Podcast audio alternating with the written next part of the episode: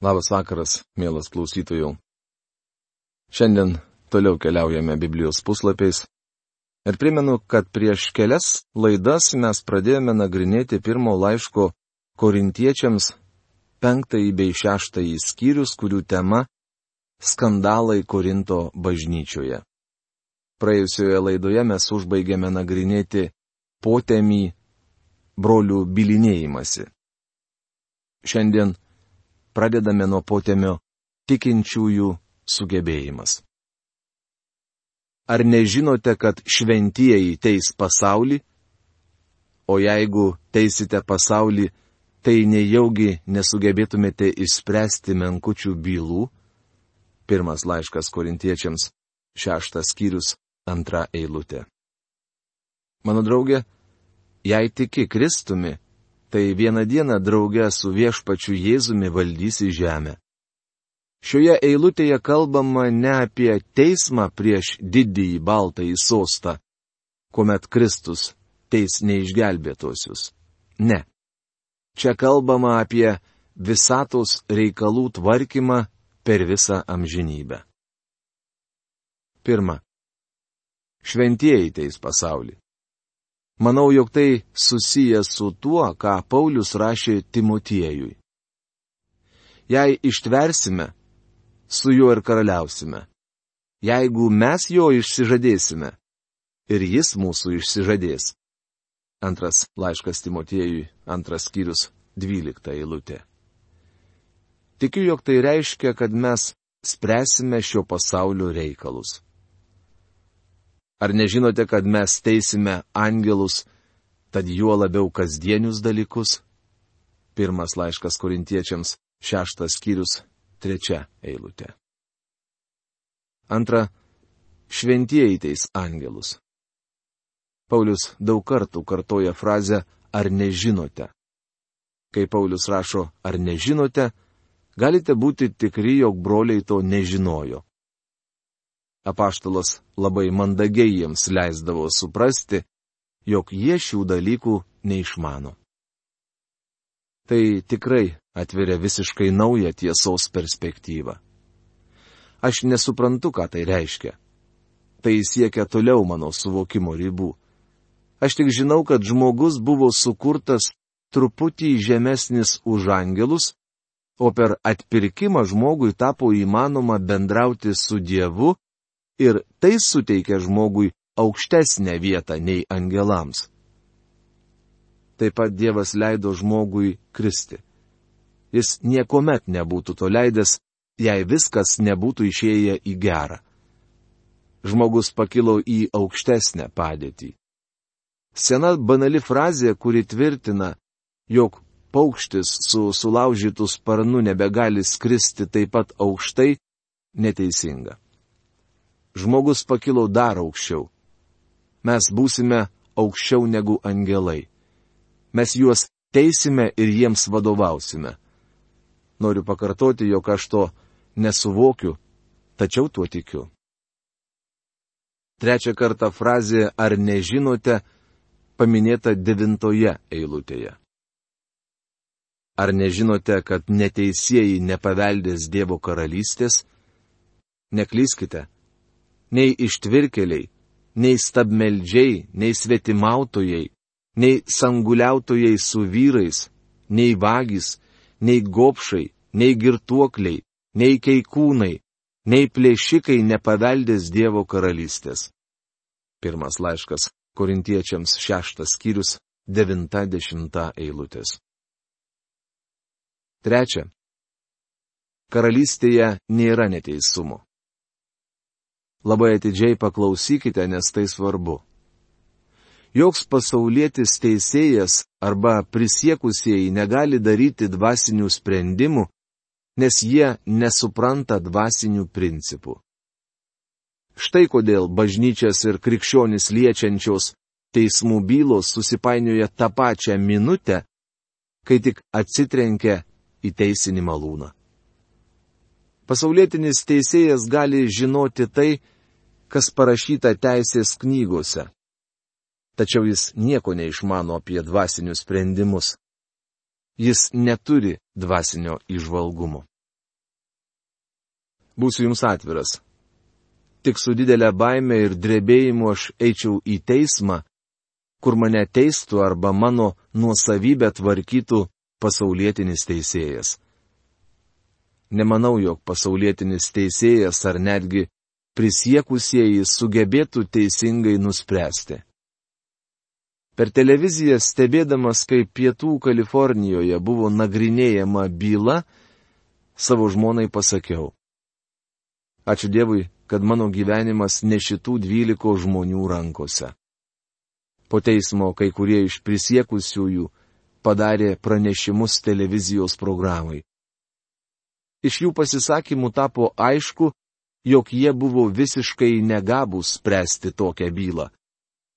Tačiau krikščionis pasitikė tais žmonėmis užuot patikėję savo reikalus kitiems tikintiesiems, turintiems dvasinę įžvalgą. Aš tai sakau norėdamas jūs sugėdinti. Nejaugi nebeturite išmintingo žmogaus, kuris sugebėtų išspręsti tarp brolių iškilusią bylą? Deja, brolis bilinėjasi su broliu ir liktyčia pas netikinčiuosius. Pirmas laiškas korintiečiams, šeštas skyrius, penkta, šešta eilutės. Žinoma, ne kiekvienas krikščionis yra gabus teisėjas, tačiau Paulius sako, aš tai sakau norėdamas jūs sugėdinti. Nejaugi nebeturite išmintingo žmogaus? Jei kreipiesi į pasaulietinį teismą, tuo tarsi tvirtini, jog ne vienas šventasis nesugeba teisingai teisti. Aš pažįstu keletą brolių viešpatyje, į kurių rankas galėčiau patikėti savo gyvybę. Esu įsitikinęs, jog jie priimtų teisingą nuosprendį. Iš kurgi tikintysis turi sugebėjimą teisti? Paulius nurodo tris priežastis. Kai kurie buvote tokie, bet dabar esate nuplauti, pašventinti, išteisinti viešpatės Jėzaus Kristaus vardu ir mūsų Dievo dvasia. Pirmas laiškas korintiečiams, šeštas skyrius, vienuolikta eilutė. Pirmoji priežastis - esate nuplauti. Jis išgelbėjo mus šventosios dvasios atgimdančių ir atnaujinančių nuplovimu ne dėl mūsų atliktų teisumo darbų, bet iš savo gailestingumo. Rašoma laiške Titui, trečiame skyriuje penktoje eilutėje. Mes esame atgimę iš aukšto ir nuplauti. Kadangi mus pasiekė atėjęs į žemę Dievo gailestingumas, mes taip pat turėtume žinoti, kaip parodyti gailestingumą. Mes galime būti gailestingi, nes patys patyrėme gailestingumą. Turėtume pripažinti, jog šiandien yra daug nuostabių tikinčiųjų, kurie buvo nuplauti. Turėtume save patikėti jiems, o ne neišgelbėtiesiems. Antra priežastis - esate pašventinti. Laiškuose korintiečiams Paulius rašo apie dviejų rūšių pašventinimą, tačiau manau, jog šioje vietoje jis turi galvoje pozicinį pašventinimą, tai yra buvimą Kristuje. Tai reiškia, jog Kristus yra mūsų pusėje ir kad visi tikintieji yra broliai Kristuje. Jei mane teisia kitas krikščionis, tai reiškia, jog mane teisia vienas iš mano brolių. Sutinku atsiduoti brolio teismui. Kartą eidama gatve, maža mergaitė nešėsi sunkų kūdikį. Ja pamatęs vyriškis paklausė, mergaitė, ar tau ne per sunku nešti šį kūdikį? O jie atsakė visai ne. Jis mano brolis. Giminystė visą keičia. Brolis nėra per sunkus. Aš esu Kristuje ir mano brolis yra Kristuje. Todėl turiu pasitikėti savo broliu. Trečia priežastis. Esate išteisinti. Trečioji priežastis kodėl mano brolis gali būti teisėjų yra ta, jog jo nuodėmės atleistos taip pat kaip ir manosios. jis paskelbtas teisiu prieš Dievo sostą, taip pat ir aš. Kas kaltins Dievo išrinktuosius? Juk Dievas išteisina, rašoma Romiečiams laiško 8 skyriaus 33 eilutėje. O tam, kuris nedirba, bet tiki tuo, kuris nuteisina bedievi, teisumu įskaitomas jo tikėjimas. Romiečiams laiško ketvirtos skyriaus penktą eilutę. Brolis Kristuje tai žino ir aš tikiu, jog jis gali išspręsti mano bylą geriau nei kas kitas. Tikinčiojo kūnas yra šventosios dvasios šventykla. Viskas man valia, bet ne viskas naudinga. Viskas man valia, bet aš nesiduosiu pavergiamas. Pirmas laiškas korintiečiams šeštas skyrius dvylikta eilutė. Yra daug dalykų, kuriuos gali daryti tikintysis, tačiau jie nenaudingi. Galiu paminėti jų daug. Apaštalas Paulius pamini vieną. Valgis yra pilvų ir pilvas valgiui. Bet Dievas sunaikins ir vieną, ir kitą. Kūnas skirtas ne ištvirkavimui, bet viešpačiui, o viešpats kūnui. Pirmas laiškas kurintiečiams, šeštas skyrius, trylikta eilutė. Vieną dieną valgio nebeliks, taip pat ir mūsų skrandžiai bus sunaikinti. Krikščionis turi laisvą valią valgyti, ką nori. Ir priešingai, mūsų kūnas negali būti naudojamas ištvirkavimui.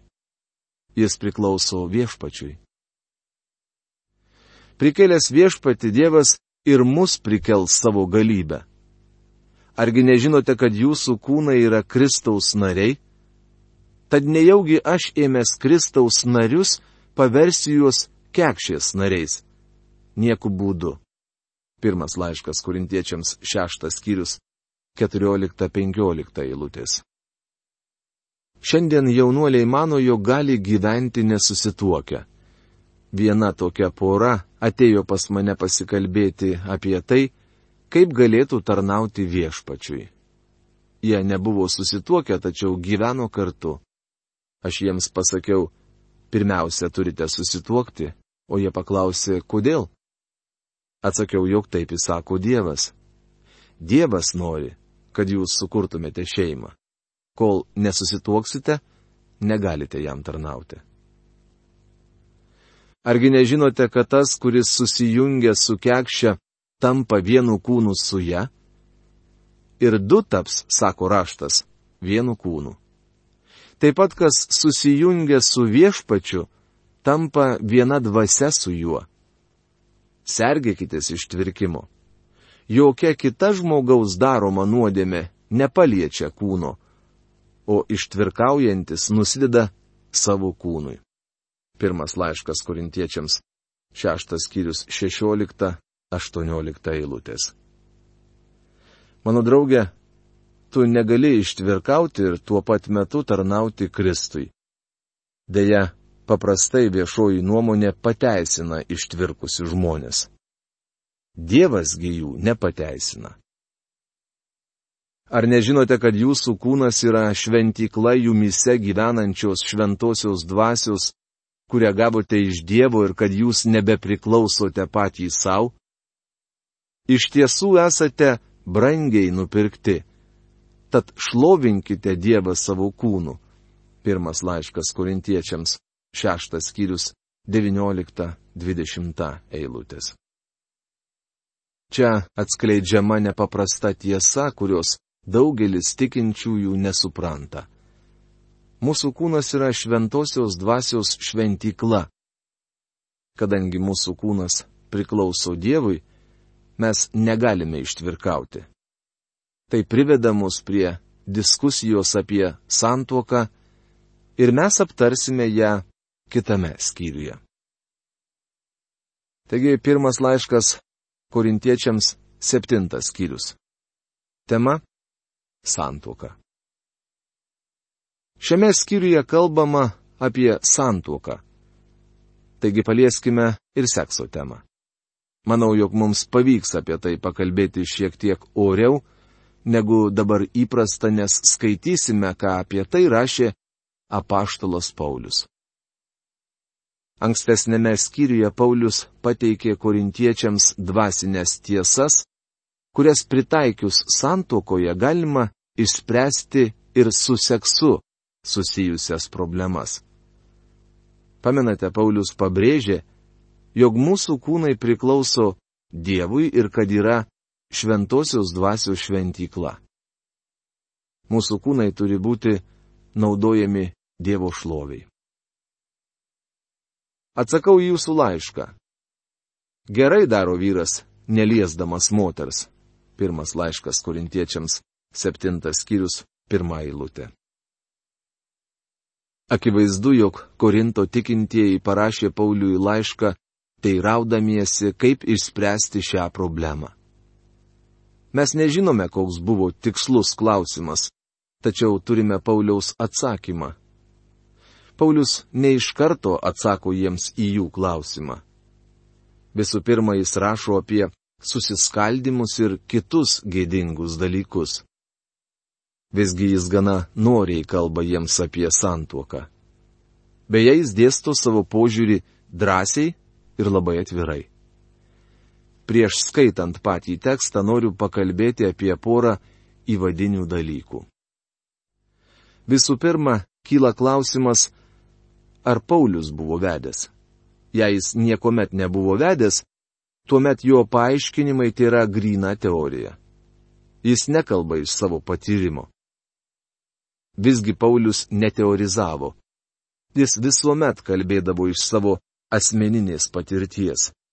Dievo dvasia tikrai nebūtų pasirinkusi žmogaus rašyti tą temą, kurios jis visiškai neišmano.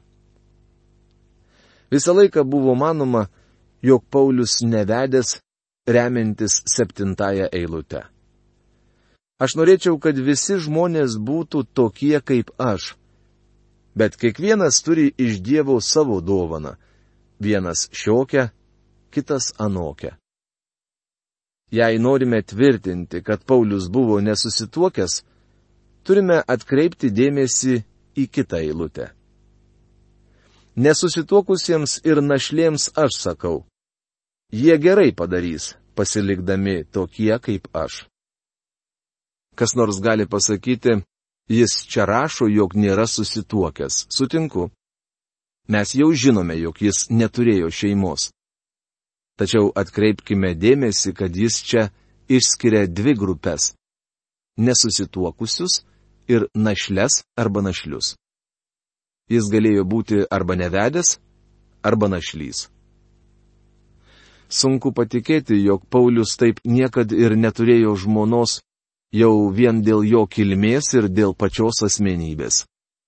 Paulius buvo žydų teismo tarybos narys apaštalų darbų 26 skyriaus 10 eilutėje Paulius kalba, aš taip ir dariau Jeruzalėje. Gavęs iš aukštųjų kunigų įgaliojimus, daugybę šventųjų įmesdinau į kalėjimus, o kai jie buvo žudomi, pritardavau. Kaip jis galėjo pritarti? Balsuodamas teismo taryboje, o tai reiškia, jog jis buvo tarybos narys. O kadangi Paulius buvo žydų teismo tarybos narys, jis turėjo būti vedęs, nes tokia buvo viena iš narystės sąlygų. Jaunas žydas tiesiog privalėdavo vesti. Pagal Mišną, žydų įstatymą, 18 metų jaunuolis turėdavo sukurti šeimą. Jebhamote, komentuojant pradžios knygos penktos skyriaus antrą eilutę parašyta, Žydas, neturinti žmonos, nėra žmogus. Tikiu, jog tai leidžia daryti nepaneigiamą išvadą, jog vienu metu Paulius tikrai buvo vedęs. Be bejonės, jis buvo našlys, kuris antrą kartą taip ir nevedė. Devintame skyriuje skaitome, Ar mes neturime teisės vedžiotis su savimi tikinčiąją moterį, kaip ir kiti apaštalai, ir viešpaties broliai bei kefas, rašoma pirmame laiške korintiečiams, devintame skyriuje penktoje eilutėje. Manau, jog Paulius masto taip. Jei norėčiau, galėčiau dar kartą vesti. Man tai leidžiama. Tačiau to nedarysiu dėl paprastos priežasties. Turėdamas tokį man Dievo duotą tarnavimą, nenorėčiau prašyti žmonos visur keliauti su manimi. Esu įsitikinęs, jog praeitie Paulius mylėjo gerą moterį, kuri atsakė jam tuo pačiu, nes jis labai švelniai kalba apie santaukos santykius. Jūs vyrai, mylėkite žmonas, kaip ir Kristus mylėjo bažnyčią ir atidavė už ją save, rašoma Efeziečiams 5 skyriaus 25 eilutėje. Norėčiau pateikti citatą iš Fararo knygos Šventojo Pauliaus gyvenimas ir darbai. Kyla dar vienas klausimas. Ar Saulis buvo vedęs? Ar aršiuose jo jaunystės kovose jį palaikė kieno nors mylinti širdis? Ar dvasinėje neramybėje, sukeltoje netobulų ir neteikiančių pasitenkinimo įsitikinimų, ar jo neramioje gyvenimo jūroje buvo nors viena mažytė salelė, namai, kuris galėjo rasti prieglopsti nuo nenutrūkstamų minčių? Mes mažai žinome apie jo šeimininius santykius Jis nepainiojo asmeniškų interesų su didingomis dvasinėmis tiesomis, kurios buvo užvaldžiusios jo sielą. Man regis, mes turime teigiamai atsakyti į šį klausimą. Daugelis Biblijos aiškintojų sutarė, jog Paulius kadaise turėjo šeimą ir kad jo žmona mirė. Paulius nėra apie ją užsiminęs, tačiau aš tikiu, jog jis buvo vedęs, nes jis labai švelniai rašo apie santokos ryšius. Antrasis įvadinis dalykas - ne klausimas, bet teiginys. Turime suprasti, koks buvo tų laikų Korintas.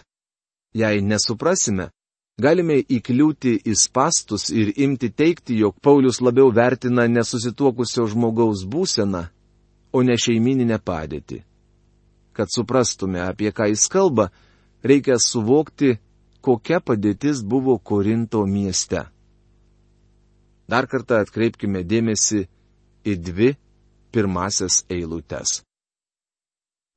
Ir tai mes su jumis galėsime padaryti jau kitoje mūsų laidoje. Iki malonaus susitikimo. Sudė.